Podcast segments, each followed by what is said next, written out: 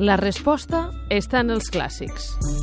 I avui a la resposta estan els clàssics un fragment de Lo Somni que ens parla d'una interrupció que dona lloc a coses diverses, interrupcions com tantes com ens fan els nostres fills quan parlem, que és difícil a vegades mantenir una conversa. Eh, sí, exactament, va En- per aquí, va per aquí. En parlem amb el Joan Santanà, que és doctor en Filologia, és editor de l'editorial Barsino, i avui ens porta aquest fragment de Lo Somni. Què ens diu aquest fragment?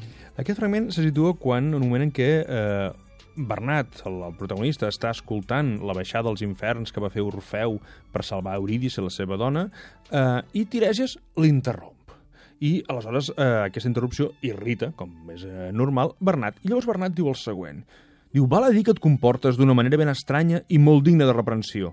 No n'has tingut prou de fer callar el senyor rei quan volia parlar-me, que ara has d'interrompre Orfeu? No em sembla haver-te fet mai cap tort. Et demano que no em neguis el plaer d'escoltar-lo. I llavors Tiresias respon. De la mateixa manera que un bon metge no actua pensant en el plaer del pacient, sinó en la seva salut, així obraré jo amb tu, perquè la meva funció no és divertir ni afalagar, sinó desenganyar.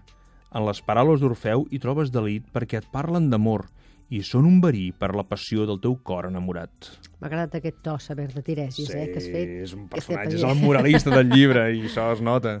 Què, què en podem extreure d'aquest fragment? Uh, Tiresias, amb aquest paper de, de, de moralista sorrut, diu que vol desenganyar uh, Bernat. Mm? Això forma part del, del context de l'obra, no ens fixarem tant en, en el desengany amorós que, que pretén, sinó en el fet que, uh, d'alguna manera, a la vida ens cal passar en, per moments una mica més de desengany o fins i tot de, de, de menys agradables, per, per dir-ho així, eh?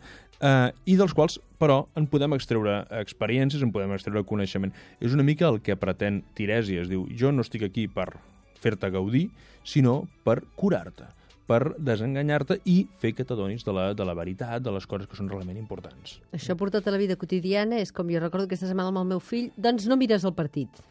Uh, bé, podria ser una experiència de la qual extreure coneixement, segur, segur. I, I per què m'ho dius, això? Doncs per què no? I perquè ara potser no ho veus, però alguna cosa n'aprendràs d'anar-te'n a dormir en lloc de mirar el partit. Uh, és una mica el que fa Tiresias, sí, sí, el Tiresias moralista doncs diu, ara no gaudiràs d'això perquè has de tenir coneixement i has de prescindir d'aquestes coses que no et fan cap bé.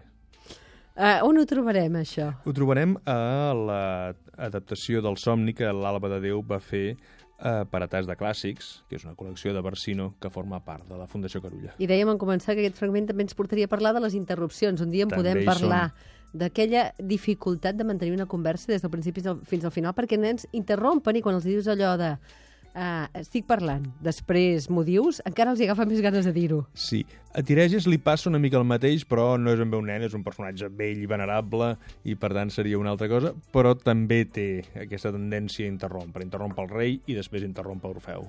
Gràcies, Joan. A vosaltres.